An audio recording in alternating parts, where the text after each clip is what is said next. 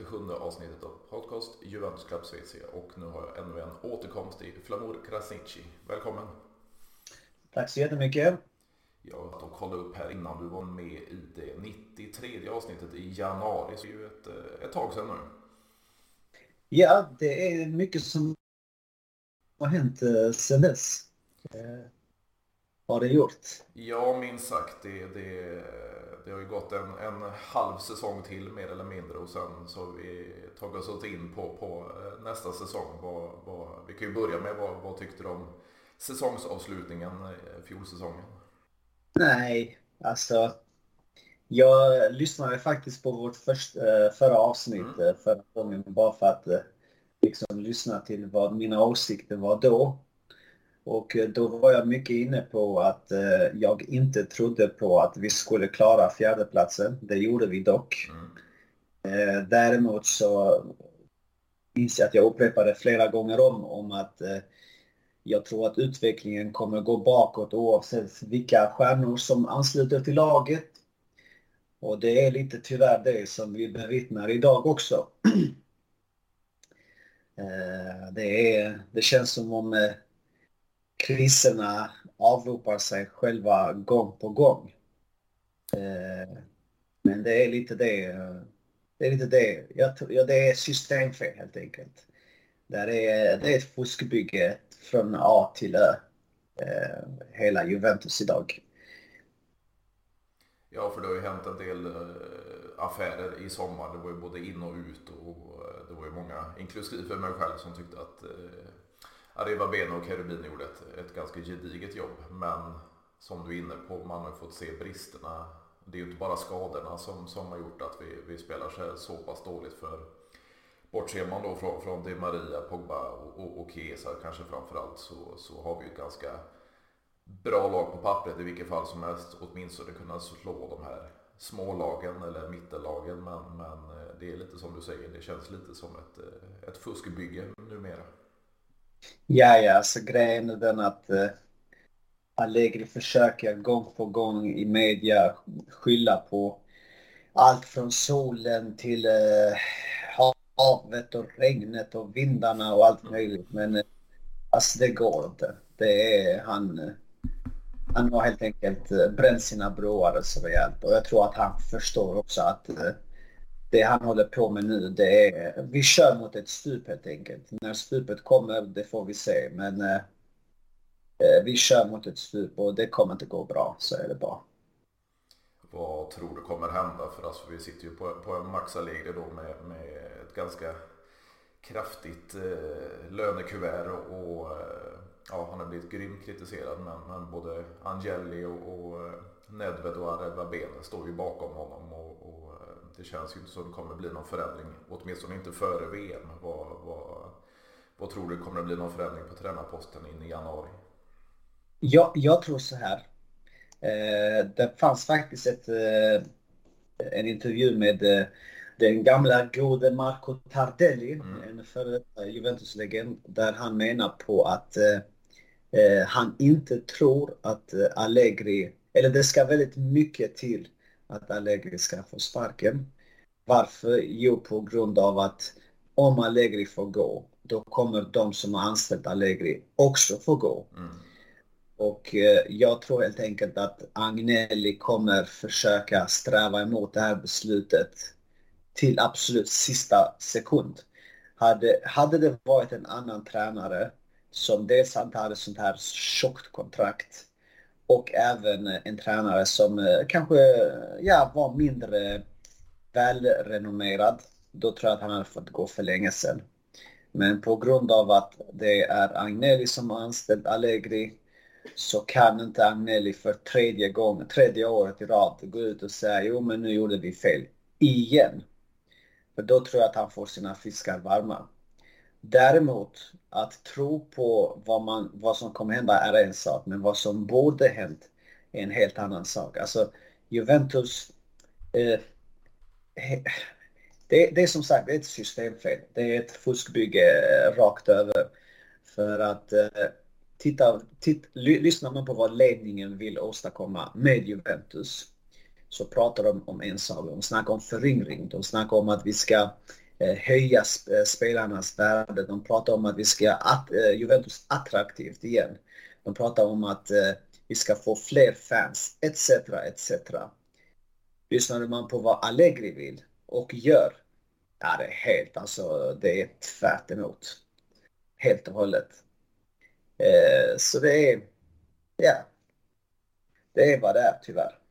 Vad du tror mer eller mindre att Allegri är fel och att transfermarknaden inte blev så pass bra som vi egentligen hoppades på?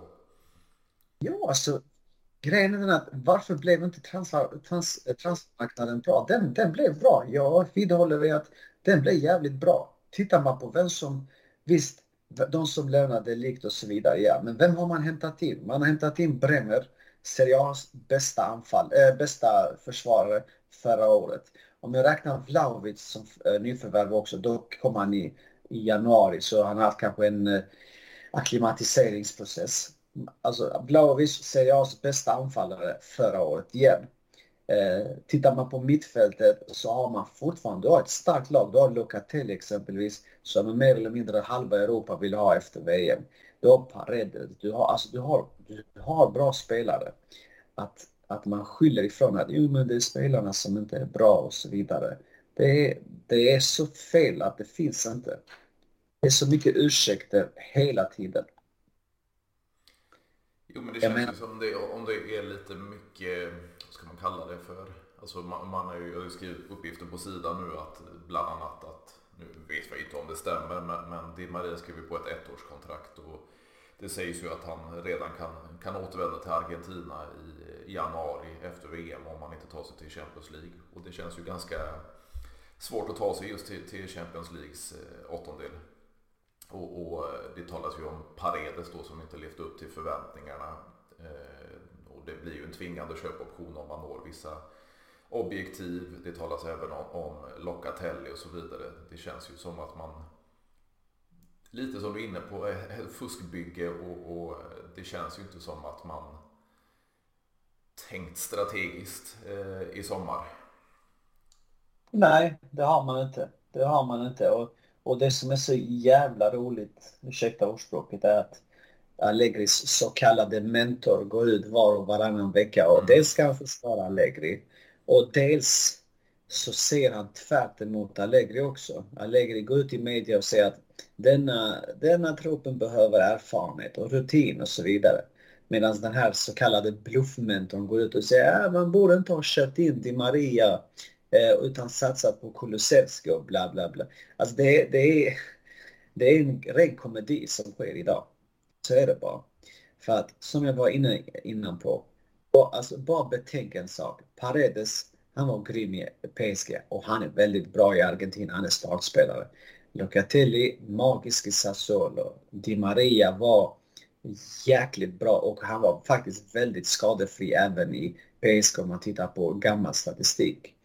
Vlahovic jämfördes med Halland bara för sex månader, ett, sex, ett år sedan. Mm. Så var han och nosade. Man snackar om Mbappé, Halland och Vlahovic som den kommande generationens eh, eh, version på eh, eh, Ronaldo och Messi. Nu är Vlahovic helt under isen. Eh, vidare så Chiesa, brutal under Pirlo. Alltså gör verkligen, han är, jag vet inte om jag har sett någon bättre spelare eh, som har en bättre säsong än Chiesa hade under Pirlo. När han får spela med Allegri så går Chiesa till och med ut själv i media och säger att nej men jag är faktiskt ytter, jag är ingen central anfallare, så är det bara. Eh, vidare, kolla Kulusevski och Bentancourt. De sitter på bänken i Juventus, går över till Tottenham, till en tränare som har ett grundspel, har en grundtanke, briljerar i Tottenham idag. Och ja, jag vet inte vad jag ska säga. Alltså det är, det är så himla dåligt alltihop. Jo men det känns ju också som precis det du är inne på där, alltså att Allegri använder sina spelare extremt konstigt. Det var ju lite samma, det var ju för sig med, med Pirlo där när, när Kulusevski var central eh, anfallare med, med Ronaldo. Samma sak som du nämnde med Kesa där, alltså det känns inte som man fortfarande efter nästan ett och ett halvt år nu tillbaks. Eh, som man får till en, en formation, en startelva, eh, sätter spelarna på rätt plats och så vidare. Utan det, det, det hela tiden går tillbaks till, till någon säkerhet som man känner i ett 4-4-2. När du använder centrala mittfältare som, som yttrar mer eller mindre och, och, och så vidare. Det känns inte som man sätter någonting under den här eh, återkomsten. Nej, men det, det är ju precis, precis det du säger stämmer.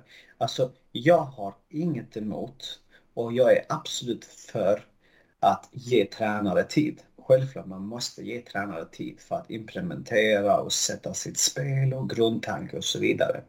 Men jag är absolut inte för att ge en tränare tid när man har sett nu i ett och ett halvt års tid där utvecklingen går rejält bakåt än att, alltså, jag, jag ser inte minsta lilla framsteg i Juventus om man jämför Juventus idag med Juventus 2000, eh, när jag tillträdde 2021 sommaren. Jag ser inte minsta lilla framsteg. Och alla spelare som har eh, som, Allegri, alltså som fanns i truppen sen Allegri tog över igen andra versionen. Mm. Alla har blivit sämre. Alla har gått ner i värde. Det finns inte en spelare som faktiskt har blivit bättre. Jag kommer inte på någon. Kommer du på någon? Nej, och det är precis den här, jag kommer inte vilken tidning det var, men det var någon tidning som gick ut med just det här att eh, spelare snarare gått ner i värde sen, sen Allegri tillträdde. Exakt, exakt. Och, och det, det, som händer, det som händer just nu i Juventus är att alla vet vad som väntar. Alltså Allegri kommer få sparken som senast under eh, sommaren nästa år. Men i, i många lag och i, i vad ska jag säga, ren, ren företagsverksamhet så försöker man förhindra och minimera skadan så mycket man kan. Men i Juventus då väntar man tills skadan är så pass djup. Då agerar man istället för att agera tvärtom. Alltså man snackar mycket om exempelvis eh, jo mina Allegris kontrakt är så här många år och det kommer kosta. Absolut kommer det göra det. Men hur mycket kommer det kosta nu? Juventus kommer missa avancemang från CL-gruppen. De kommer högst troligen missa eh, topp 4. Hur mycket kommer det kosta? Hur mycket kommer det kosta? Ja, det är det som blir extremt problematiskt för, för precis det du är inne på har jag sagt i, i diverse avsnitt nu det senaste och det är ju många som har kommenterat på sidan just kring detta också. Och man förlorar ju extremt mycket bara på att åka ut i gruppspelet denna och vi ska dessutom avsluta med två vinster för att ha möjlighet att ta, ta oss vidare och det är ju Benfica och PSG.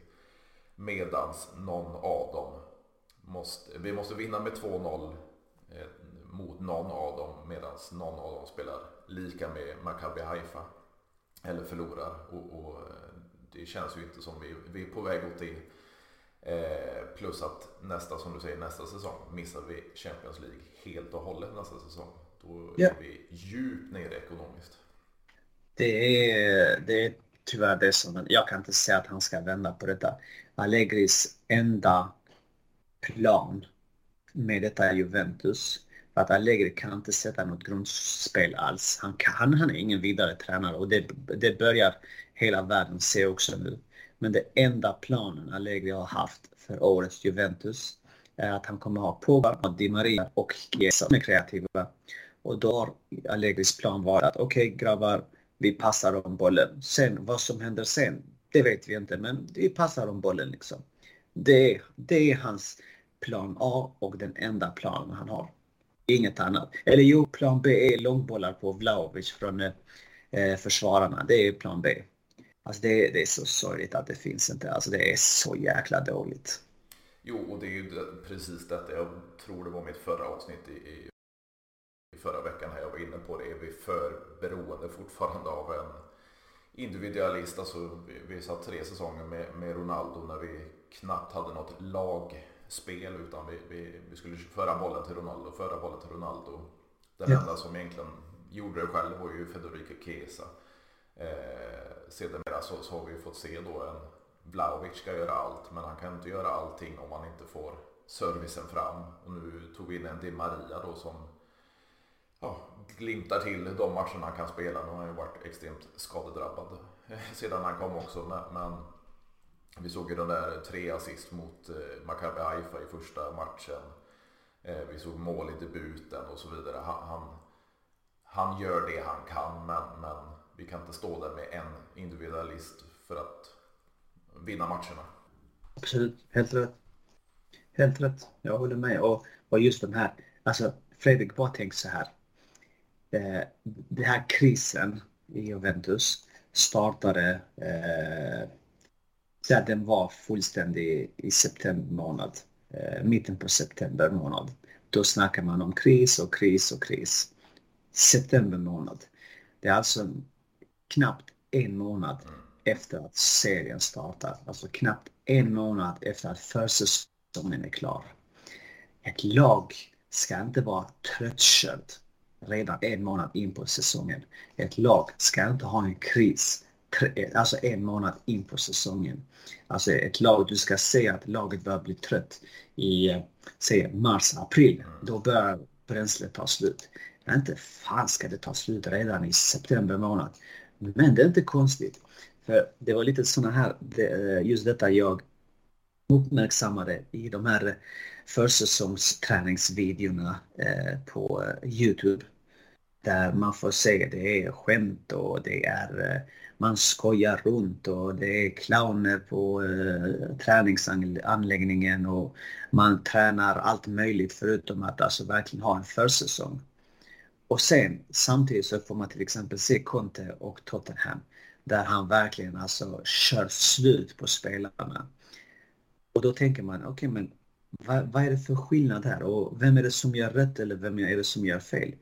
Men en försäsong, jag, jag är gammal fotbollsspelare, jag har inte spelat högt upp i divisionerna men en försäsong minns jag, det handlar om tre grejer. Ett, träna upp konditionen. Två, träna upp musklerna. Tre, sätta ett grundspel. Musklerna och konditionen ska inte vara helt slut redan en månad in på säsongen. Då är det något riktigt jävla fel som har skett.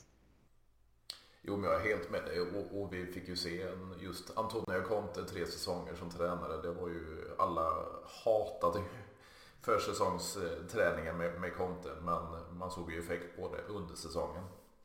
Precis. Precis. Det var som de delade nu på svenska fans där man ser spelarna eh, stå på huk eh, i 69 minuten tror jag det var. Eh, Står spelarna och alltså flämtar efter andningen. 69 minuten. Alltså vad fan. Ja, och, och tänker man tillbaks då på, på eh, Contes tre år i, i vårt lag. Alltså vi kommer ihåg en, en Stefan Lichsteiner, det var ju det schweiziska ångloket, bara gick fram och tillbaks på, på högerflanken där. Eh, vi, vi, fick se en Vidal som sprang hjärtat ur sig, sprang lungorna ur sig fram och tillbaka. Han var ju lika, lika vass i anfallet som i, i, i försvarsspelet mer eller mindre. Man kan nämna hur många spelare som helst. De var, det var 100% grinta, passion och energi att springa hela matcher. Men, men eh, vi får ju se raka motsatsen numera. Precis. Och sen det som är också så himla synd som jag måste lyfta upp är att eh, Många har ju tidigare nämnt det här med att eh, Allegri har en fetisch för eh, äldre spelare. Mm. Och visst, han börjar spela Miretti lite nu. Men där är, på bänken sitter två spelare som jag tror hade kunnat faktiskt göra ett rätt så bra avtryck eh, i truppen idag. Och då är det Gatti och Fagioli. Mm. Gatti blir, får eh, pris eh, som den bästa, för, bästa unga försvararen, eller kanske till och med den bästa försvararen överlag i Serie B förra året. Mm. Fagioli blir utnämnd till den bästa unga spelaren förra året i Serie B. Och jag kräver inte att de ska ha startplats direkt. Men varför får de inte spela? Vad är det exempelvis McKennie gör bättre idag än Fagioli? Vad är det Bonucci gör bättre än Gatti exempelvis idag? Alltså det är, det är, jag har alltid sagt så här. I konkurrens är någonting som alla mår bra av. Det spelar ingen roll om det är sport, om det är ditt vardagliga jobb. Det ska finnas konkurrens för att det får en att liksom bli alert och eh, eh, och ja, göra ett bra jobb. Men om du på ditt jobb idag vet om att jo, men du kan bete dig och eh, göra hur dåliga resultat som helst, behålla ditt jobb och så vidare. Då bör du liksom släppa efter. Och det som spelarna gör idag. De vet, Bonucci exempelvis, som har varit slut i en och en halv säsong, två säsonger redan. Han vet om att han kan, han blir uppsnurrad till läktaren gång på gång. Men han vet om att han startar nästa match. Samma sak med Kenny och eh, alla möjliga hittepåspelare vi har i mittfältet. De vet om att de kan gå runt och lalla. Det är lugnt, de kommer få starta. De startar. Medan Gatti och Fagioli, ja men ni ska värma bänk för att eh, ni är unga. Ni har inte rutinen liksom. Att det är... Samtidigt så går ledningen ut och säger att jo men vi ska, start, vi ska satsa på unga spelare. Jo visst, med Allegri, självklart. Ja, och det blir ju lite parodiskt. Alltså vi, vi, vi tar in spelare då som, som Paredes i, i slutet av, av marknaden och, och eh, får in den ristan som vi egentligen har saknat. Och då vill jag se en Locatell högre upp i banan och så vidare. Men, men vilka spelare än verkar få in så känns det inte som Allegri sätter någon, någon formation eller startelva på plats i vilket fall som helst. Då har han ju spelare som du säger på, på bänken som skulle kunna visa. Vi såg ju en Fagioli som du nämnde på, på försäsongen. Eh, som, som gjorde det bra och han ser extremt spännande ut. Men får han aldrig chansen så vad, vad ska han kunna visa upp? Ja, helt rätt. Och Fagioli tror jag inte får chansen. Det var någon som skrev på eh, Svenska fansforumet att han hade tydligen kritiserat, eller han hade inte kritiserat, men han hade gått ut och sagt att eh, han anser att unga inte får så mycket tid, eh, speltid eh, i Italien. Mm. Eh, du vet, man får inte kritisera Allegri idag för att eh, då hamnar han på bänken. Och det, det, är den enda anledningen till att han inte får spela. Jag kan, jag kan inte komma på någon annan anledning. Nej, och det känns ju ändå... Okej, vi är inte världslångt in i, i säsongen. Men jag menar om vi, vi, vi håller kvar en spelare som Gatti, vi håller kvar en spelare som Fagioli och inte låter dem gå på, på lån som Rovella och eh, så vidare. Utan vi, vi behåller dem i truppen. Eh, men vi skickar, ta till exempel Andrea Cambiasso som vi tog in då. Det finns positioner som vi behöver både förstärkning och backup på. Men de skickar vi på lån. Men ja, vi, vi behåller spelare där vi har ganska tjockt på, på den positionen. Men de får inte spela. Så, så jag vet inte riktigt hur man tänker där. Det är tyvärr många som inte vet uh, vad eh, Allegri och hur han tänker idag. Och nu tittar vi, titta, titta senaste vinsten mot Torino. Det är så himla roligt för att han lägger ut uh, intervjun efter och säger att vad skönt, nu är vi tillbaka. Vad är det som är skönt egentligen? Alltså Torino var så himla dåliga den matchen. Och deras avslut var alltså helt horribla. Och egentligen varför Juventus vann mot Torino är bara för att Torino var riktigt jävla dåliga. Och de var helt enkelt sämre än vad eh, Juventus var. För återigen är det samma sak. Det finns inget grundspel. Det är, det är, vi, vi sätter hög eh, högbollar på Vlahovic och sen så om han vinner någon nickduell, studsar den fram eller tillbaka så kanske det blir någon chans. Annars finns det inget, alltså det finns ingenting med Juventus idag som är något attraktivt. Och eh, man kommer vara tvungen att sparka. Jag förstår bara inte varför man inte sparkade honom efter Monza. Där hade en ny tränare haft två veckor på sig. I alla fall komma in i laget, sätta, ja, ändra mentaliteten. Någonting i alla fall. Ja, och vad, vad, vad, säger du då? Vi fick ju se en 1-0 eh, över derby, eller över Torino i Derby della Mole.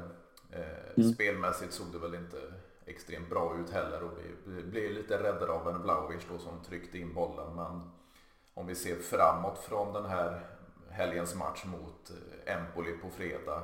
Vi har ju inte det tuffaste motståndet i ligan kanske, men vi har ett Benfica som, som dyker upp. Vad, vad tror du innan VM kommer hända med, med spelet och resultatmässigt? Jag tror så här. Det är mycket möjligt att eh, Juventus vinner mot Empoli igen. Eh, för Empoli är, de är bättre än eh, Torino, absolut, och har bättre avslutare. Så det, det är mycket möjligt att man vinner där. Men att Juventus går och plockar tre poäng i Portugal mot Benfica, alltså det finns inte. Det är, den, den sagan kan vi glömma. Ja, och då blir det ju som vi, vi är inne på, det blir ju ett tidigt uttåg ur Champions League. Och då kan man ju faktiskt, hur tråkigt det än låter så kan vi ju fokusera på ligaspelet. Tror du att vi kan klättra uppåt med, med, med spel i enbart ligan för att ta en, en Champions League-plats till kommande säsong? Inte en chans. Det kommer bli bättre när Pogba kommer tillbaka och Chiesa kommer tillbaka. För att återigen, de är bättre, eh, alltså de är mer kreativa, absolut. Men det kommer bli bättre ett, eh, en liten stund. Sen så kommer det vara samma sak när man går runt och kärvar helt enkelt. Ja, och då, då känns det extremt problematiskt för, för kommande säsong. Du tror inte att en, en potentiell stark januari-marknad kan, kan rädda spelet så att säga? Alltså grejen är den att Fredrik, många, he, många går runt och pratar om januarimarknaden gång på gång. Förra säsongen så pratade man återigen om att vi måste agera i januari månad. När vi var inne och spelade under våren så nu måste vi agera till sommaren. Och nu pratar man nu ska vi agera i januari. Alltså det är hela tiden brandkårsutryckningar gång på gång. Alltså du kan värva vem du vill. Värva in Mbappé och Halland. Det är värva vem du vill. Fortfarande grundproblemet och det innersta, alltså kärnan i problemet kommer vara kvar. Och det spelar ingen roll vem du värvar. Det spelar ingen roll, alltså så är det bara. Vad skulle din lösning på eh, bekymret vara om du, om du fick önska fritt? Eh, skulle det vara att kicka Allegri nu? Och vem skulle in i så fall?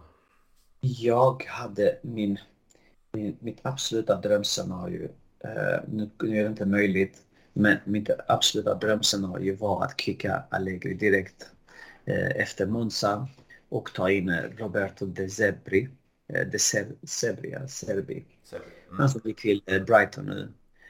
Och låta honom, låta honom få jobba i lugn och ro. För han har bevisat att han är bra. Eh, idag så vet jag faktiskt inte vem man kan ta in. Eh, jag hade, jag hade oavsett kickat uh, Allegri. Nu är ekonomin som den är men jag hade kickat Allegri. Kanske eventuellt tagit in någon uh, temporär tränare uh, fram till sommaren. Och till sommaren hade jag försökt hämta in, hämta in en tränare med grundspel. Jag är inte för att hämta tillbaka Conte. Conte är bra på att bygga upp lag men han är ingen, ah, Conte kan inte utveckla laget mer än att alltså jobba med det mentala. Han kan inte göra mer än så. Det känns ju lite problematiskt just med, med nämnda Konte. för alla såg ju vad, vad som hände de här tre säsongerna. Eh, det blev tre raka ligatitlar. Vi såg vad han gjorde med, med ett eh, ganska uruselt italienskt landslag. Vi såg vad han gjorde med Chelsea och, och med Tottenham och med inte våra rivaler.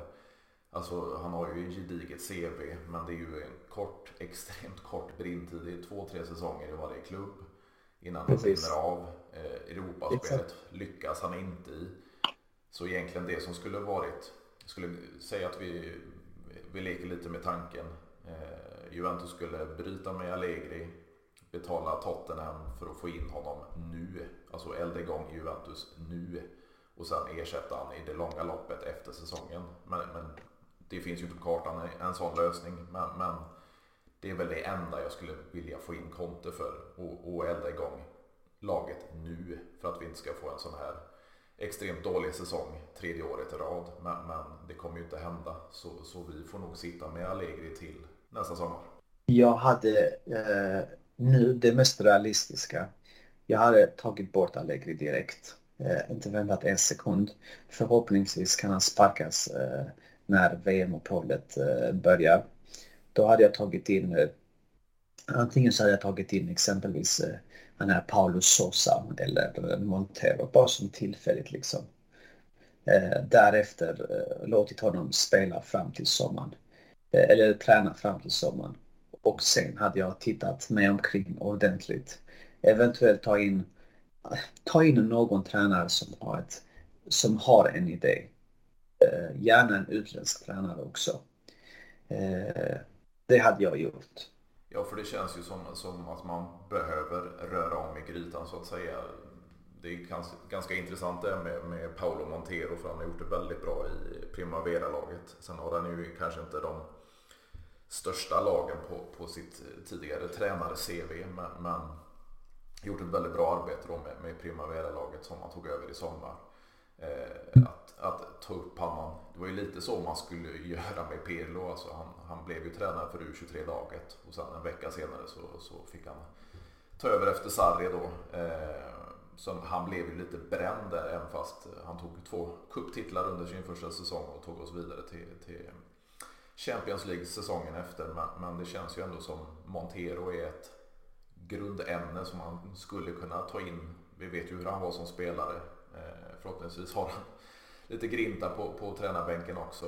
Eh, för, för likt Conte då, lite det här ett jävla anamma och, och få igång spelarna ordentligt nu.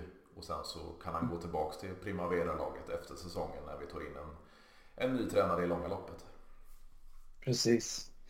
Eh, om du frågar mig så hade jag, jag tror att Juventus behöver en, en grundlig eh, omstrukturering högre upp. Det, gäller, det räcker inte bara med att eh, sparka tränaren. Vi behöver få bort, tyvärr också, Agnelli.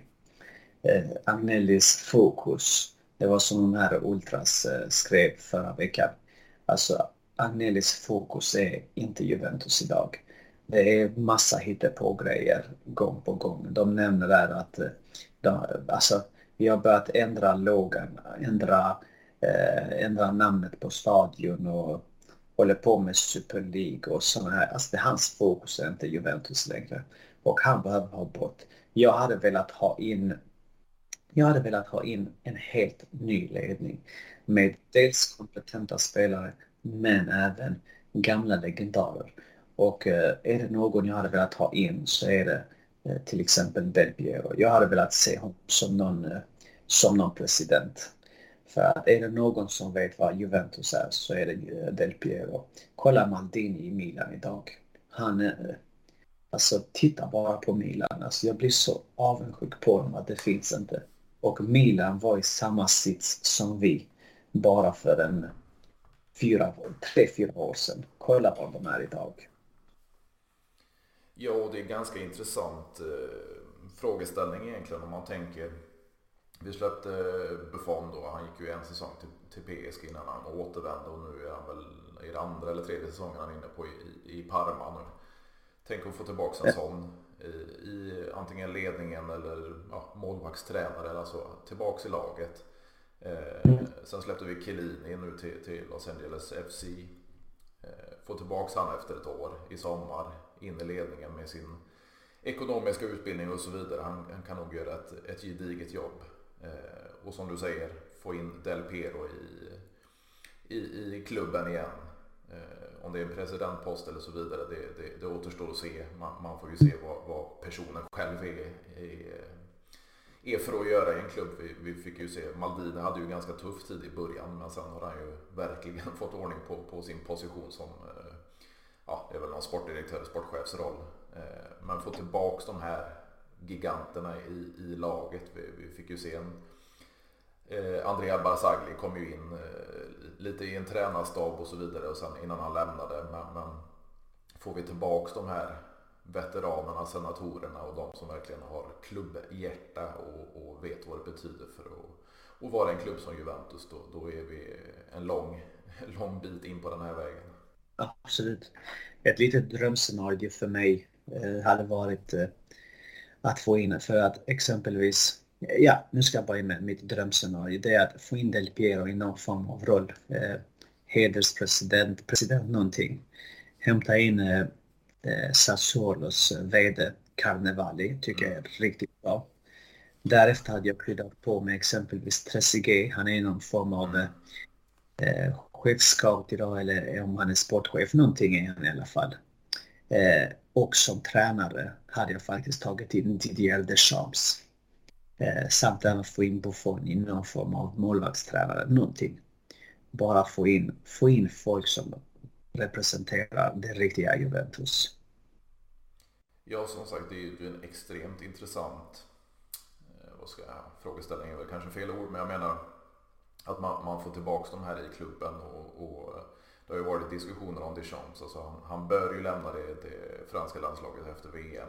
Och eh, det, det, det, sägs ju att det är just eh, Zinedine Zidane som också har ryktats till oss att det är han som ska ta över det franska landslaget och att det är det han väntar på. Och Deschamps var ju en stor spelare för oss och han var ju bara tränare den säsongen efter Calciopoli. När, han tog upp oss ur Serie B så har han ju inte visat vad han går för som Serie A-tränare än. Så, så det, eh, och få tillbaks då, då en gammal Juventus-spelare i, i klubben som tränare. Det, det är ju både en, en kittlande idé och en romantisk tanke. Mm. Det håller jag med om, absolut. Det hade varit jätteintressant. Men ja, som sagt en omstrukturering och eh, jag hoppas att eh, eh Lapo Elkan eller vad han heter, John Elkan, går in och verkligen eh, leder med hela handen idag för att Agnelli är, han har tappat stinget. Eh, Arriva Ben har varit någon form av uh, Formula 1 uh, arbetsledare, chef eller vad han har varit. Mm. Och Cherubini var, alltså Cherubini visst, man ska inte underskatta folk, men Cherubini har alltså varit Marottas och Paraticis tredje hand eller högra hand, alltså en springpojke.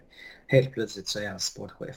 Och, och det är den här, Fredrik, det är den här, eh, vad ska jag säga, non, eh, nonchalansen som jag stör mig på grovt. Det största misstaget som har skett här är att Agnelli har börjat tro att han är övermäktig. Man brukar säga det, jag, jag tror Zlatan sa det i någon intervju att höga det är då det är som svårast att bibehålla sig på den här höga. Medan vad har Agnelli gjort exempelvis? Istället ökat sitt fokus och kämpa för att faktiskt eh, ja, vara på den här nivån så han, han började med att kasta bort Marotta för att jag menar, vad gör Marotta idag? Jo, han gör ingenting. Vi kan ersätta honom med Paratici som egentligen bara är en scout. Alltså man slänger bort viktiga personer till höger och vänster och tror att en nybörjare kan ersätta dem. Samma sak med exempelvis Sari. Återigen, jag, det är så himla synd att Sari fick sparken. Han tappade omklädningsrummet, ja absolut. Men jag kollar Sarri idag, alltså Lazio har nu tre raka 4-0 vinster i bagaget.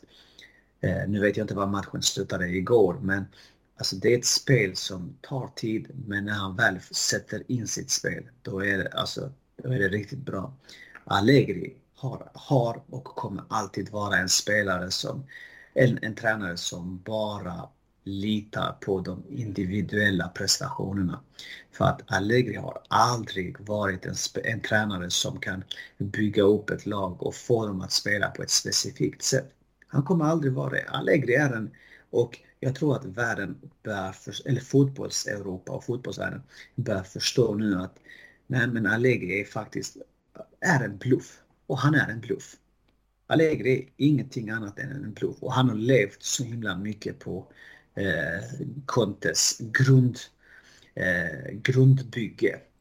Eh, och där Conte lämnade ett Juventus med många, många stora mästare som sen själv eh, såg till att eh, utveckla spelet. Ja, det... Allegri, han kan inte, så är det bara. Ja, men det känns ju lite så här om man ska vara lite självgranskande. Nu, nu ingår inte vi i klubben Juventus, men, men som supportrar om vi går tillbaka då till en Antonio Conte som gjorde vad han gjorde med, med, med Juventus. Vi såg en Allegri ta över, anammade hans 3-5-2 i början innan han började experimentera och, och föra det här vidare. Men det var ju lite som du sa att han be, fick ju behålla många spelare från Contes, eh, Contes lag och det var ju lite av ett självspelande piano. Sen, jag kan hålla med dig delvis på, på gällande Allegri men, men de tre första säsongerna under Allegri så såg man ju ändå att han hade fingertoppskänsla i, i formationer och, och sätta mot diverse motståndare och så vidare och, och levla upp eh, spelarna som fanns där. Men säsong 4-5 då såg ju ledningen att det, det, det, började gå ut för Man valde att kicka honom. Tog in då Sarri som du nämnde. Men, men alla vet ju det med Sarris fotboll. Det tar tid att implementera i, i ett nytt lag det tar tid för att han måste få in specifika spelare på specifika positioner för att få till sin sargboll. Varför sätter man då på ett treårskontrakt och sparkar efter en? Han tog ju ligatiteln. Det såg inte spelmässigt extremt bra ut. Men vad kan man förvänta sig efter en säsong med materialet han satt på? Eh, och sen då kickar han efter en, som vi var inne på tidigare, ta upp en Pirlo eh, en vecka efter han skriver på för U23-laget. Aldrig tränat en klubb tidigare, helt otestad. Det var ju lite, lite fritidsledare han fick, fick agera med, med många storstjärnor omkring sig. Och vad väljer man sen? Två år senare efter han fick sparken så tog man tillbaka Allegri på ett skyhögt kontrakt. Fyra år. Eh, man, man, har gjort de här Ronaldo-värvningen kan man ju kritisera på, på många plan så att säga. Eh, förstörde laget. Man, man, har fått se en Delicht då velat lämna och, och varit lite halvkritisk mot, mot hur det såg ut i Juventus. Som du nämnde, man kickade en Beppe Marotta som har gjort ett extremt gediget arbete.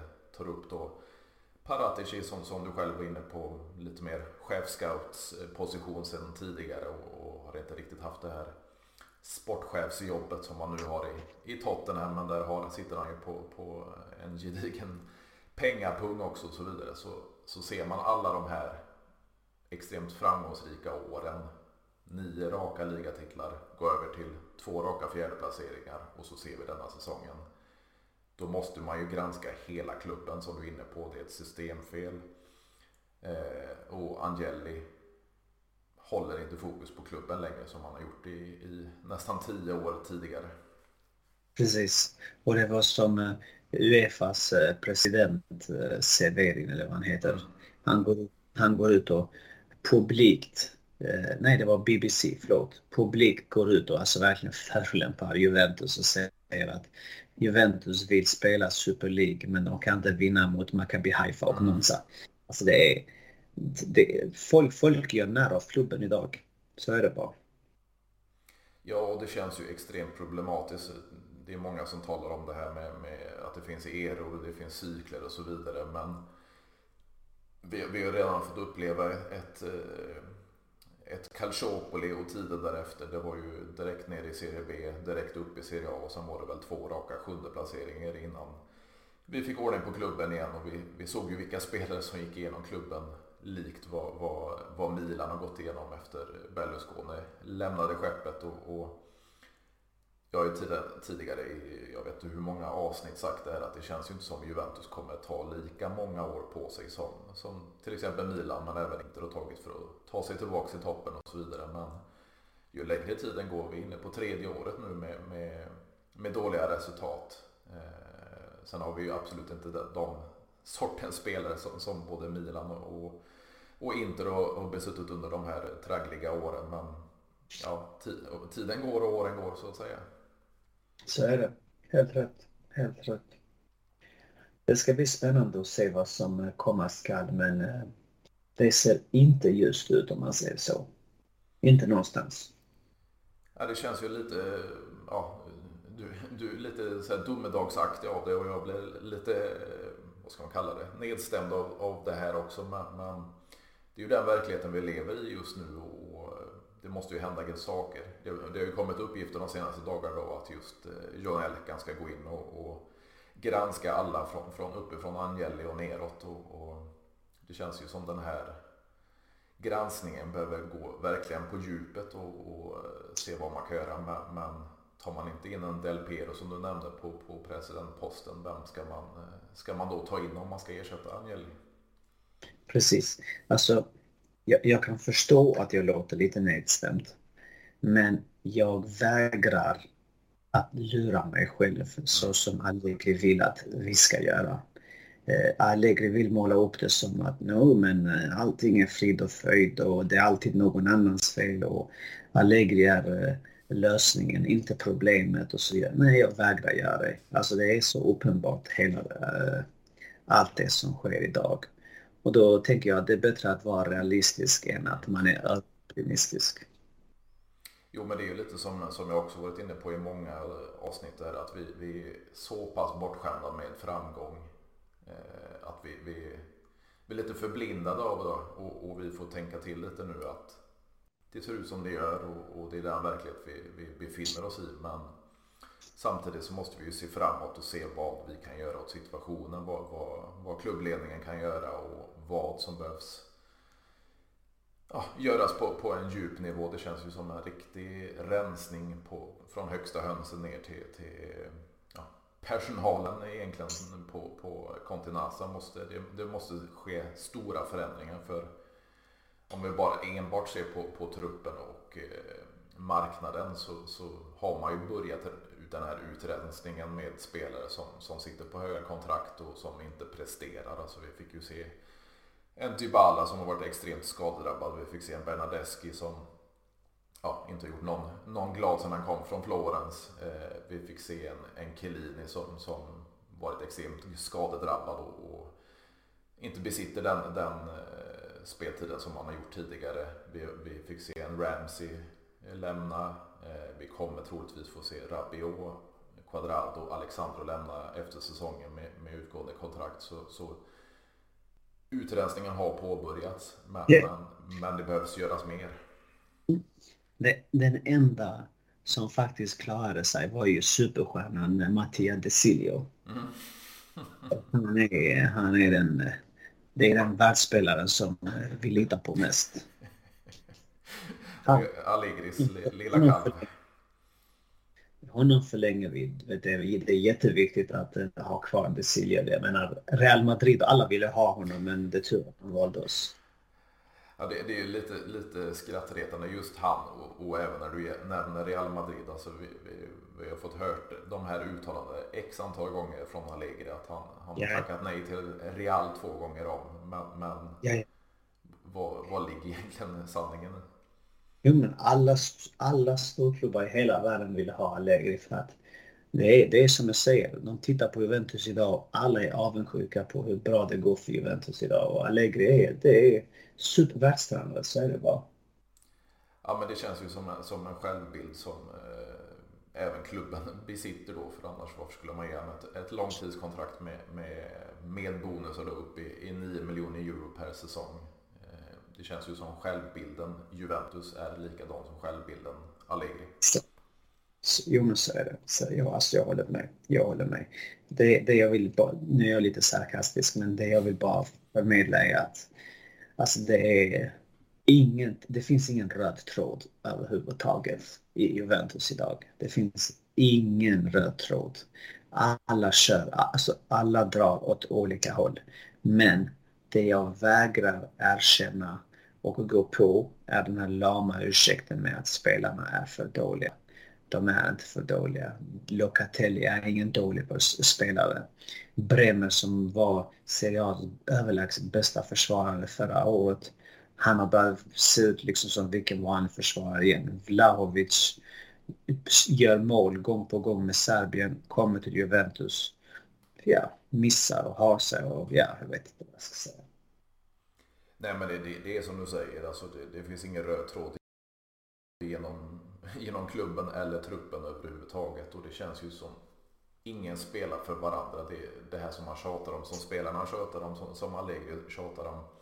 Att vi ska spela ihop oss, vi ska vara en enhet och spela för varandra. Det är ju ingen som spelar för varandra i hela truppen. Eh, det är individualister på, på varje position av bättre och sämre kvalitet.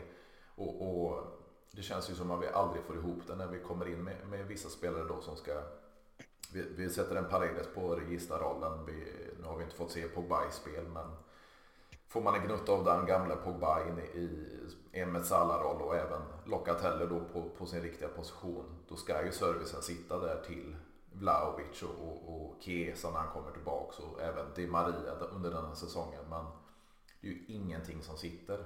Och då kan man inte Nej, enbart skylla på de här skadorna för vi har ju kvalitetsspelare som du är inne på, på, på flera positioner även fast vi har de här skadorna och ändå ser det ut som det gör.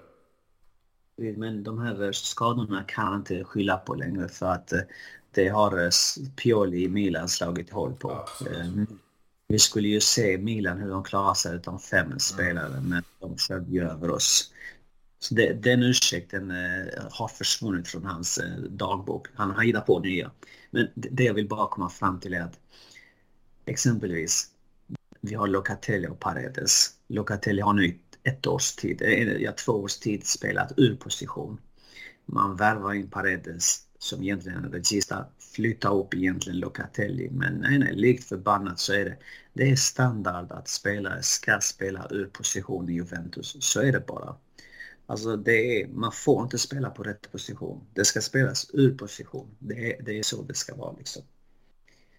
Det är, ja men det känns ju som det, det, du kan ju nämna hur många spelare som helst. Vi har ju fått se en Rabiot då som, som någon vänsterytter egentligen i, i alla fall i, i den satta startelvan. Sen formerar man en ny match, det förstår jag också. Men Rabiot till vänster, vi har fått se McKennie som högerytter. Alltså han sätter nästan varenda spelare förutom målvakt och, och kanske Vlahovic och mittbackarna då i, i olika positioner där de inte är i sin bästa miljö. Precis, precis. Jag brukar säga så här Fredrik. Eh, jag och du kan ha en jäkla massa åsikter om hur Juventus spelar och så vidare och du kan tycka att de spelar bra, och jag mindre bra och så vidare. Det jag däremot brukar säga är att statistik aldrig lurar en utan statistik visar faktiskt sanningen. Och där kom ju statistik för eh, någon, eh, två, tre veckor sedan som visar att exempelvis Juventus har minst antal passningar Eh, på motståndarens planhalva i hela Serie A. Mm. Man har tagit, jag tror man låg på 18 plats på antalet spel in mot motståndarnas straffområde. Men jag tror man låg på 14 plats på antalet skott på mål. Alltså sådana här grejer. Du, du hittar ingen annan ursäkt. Alltså, du kan inte komma med ursäkter till detta. Och det är ju sådana här grejer som jag menar på, på att utvecklingen går helt fel. Jag menar, om vi har tagit minst antalet passningar i hela Serie A på motståndarens planhalva, då är det någonting som är fel. Och det är de här högbollarna, alltså långbollarna som jag snackade om tidigare. Att man, alltså man spelar inte, man vågar inte, så är det bara. Och, och spelarna ser snurriga ut på plan och yra och så vidare. Men jag klandrar fortfarande inte dem. De vet inget annat, de får inga andra besked, så är det bara. Ja, det känns, det känns ju också så här vilka spelare har vi tagit in framför allt? Jo, det är mot offensiven och ändå ser det ut som det gör. Vi, vi, vi har ju pratat diverse avsnitt om, om försvaret, hur det ser ut. Vi har inga ytterbackar av kvalitet och vi har väldigt få ytterbackar. Vi har väldigt få mittbackar och, och vi har då en, en Bonucci som brister rejält. Vi har en Bremer som är vår säkerhet, men där bakom har vi Gatti som, som inte testas. Och sen är Rugani. Mm. Så, så pjäserna vi tagit in i offensiven och det fungerar inte. Nej. Jag, jag vill bara ta ett exempel. Mm. Eh, Udinese i år. Eh, de ligger på, jag tror, andra eller tredje plats. Tror jag de ligger på fjärde kanske. Eh, spelare har startat riktigt, riktigt bra i år. Udinese, samma Udinese har knappt gjort några värvningar från sommaren. Alltså de har inte ändrat sitt lag överhuvudtaget. Men förra året då kämpade de Eh, jag tror de hamnade på 16 plats kanske med en annan tränare. Nu inför detta år tog man in en annan tränare som har kommit med väldigt, alltså en väldigt tydlig spelplan. Mm. Och eh, man ser ett helt annat Udinese idag. Helt plötsligt så är de på tredje, fjärde plats. Och jag menar, det är ju detta som jag pratar om. Jag menar, tränaren är den som ska leda laget. Det är den som ska styra laget. Och det är faktiskt han som kan faktiskt göra de här största förändringarna. Det är inte spelarna som kan göra, men om spelarna inte får tydliga direktiv från sin chef, ja då blir det lite som det har blivit. Ja, definitivt. Och det, det, det känns ju som en tränare med rätt verktygslåda eller vad man ska kalla det kan göra under med, även med denna trupp som, som vi är ganska kritiska mot eh, överlag. Men, men rätt tränare med rätt verktygslåda kan ju verkligen göra ett gediget jobb även med, med, med denna truppen. Jag håller med. Jag kan hålla med om att truppen kanske inte är världsklass, det är den inte. Men denna truppen är absolut bättre än Monsas trupp. Den är absolut bättre än Haifas trupp. Alltså, sådana såna bortförklaringar, det köper jag inte, så är det bara. Men jag vet den här matchen mot Salernitana mm. där man fick ett mål bortdömt sista sekunder. Och visst, det var jättetråkigt. Men, ah, men kom igen. Vi ska Salernitana. Alltså de, de ligger Eh, de leder med 2-0 i halvlek. Man lyckas få någon straff eller vad man får. Och sen sista sekund gör Milik mål. Och visst, där kanske man skulle fått segern. Men jag är så glad att man inte fick segern. Jag ville verkligen att de skulle förlora där. För jag menar, titta bara på de mål man gör mot Salernitana. Alltså det är verkligen alltså studs, bollen studsar och då, då har man tur, den hamnar hos någon som gör mål. Alltså det, är såna, det är bara rena tillfälligheter. Det är inte så att man spelar sig igenom eh, motståndaren utan det är helt enkelt tur, inget annat. Och sen så går stora Juventus ut och kallar det för skandal och allt. Och man tänker, vem är det vi har mött? Är det någon Champions League-final? Nej, nej, vi mötte Salernitana. Ja, men lägg av. Jag läser faktiskt eh, ganska roliga uppgifter från eh, franska Lete Sport. Eh, Massimiliano Allegri är bland PSGs favoriter för bänken nästa säsong. Klart. Parisklubben ser över att sparka Gaultier efter säsongen och förutom Allegri så är man intresserad av Zidane och Ruben Amorim. Absolut. Kör Ta han bara. även Manchester City ska sparka Guardiola för att de tycker att han inte är bra. De vill ha, jättegärna ha in Allegri. Jajamän. Ja, men det, känns, det känns skönt att vi, vi får in en, en, en parodi i slutet av ett ganska mörkt samtal måste jag säga Flambour. Men, men som sagt, som Men- vi varit inne på, vi måste vara realistiska. Absolut, och som jag nämnde innan att jag, jag föredrar att vara realistisk och faktiskt eh, se, för, se Juventus för vad det är idag. Jag vägrar hålla på och gå ut och säga jo men vi kommer vinna Serie A. Vi kommer inte vinna Serie A. Vi kan knipa en eh, fjärde plats om man ändrar och har sig. Men med Allegri, nej, glöm det. Alltså glöm det big time. Jag är faktiskt helt med dig och eh, det får bli slutorden för, för, för dagens inspelning. Jag vill tacka dig igen Flamour för ett eh, Det var jätte-. Det var jättetrevligt. Lite, lite pessimistisk är jag där, men eh, förhoppningsvis eventuellt ett tredje avsnitt, då är det lite gladare minnen. Ja, vi får väl gå in i, i vårsäsongen så får vi se om vi, vi, vi eller du får rätt och, och, och se om det blir någon förändring. Mm, Absolut. Vi håller tummarna. Strålande. Men som sagt, stort tack Flamor så, så hörs vi framöver. Tack så jättemycket och ta hand om dig. Detsamma, detsamma. Hej, hej. Hej. Go, go, go, go!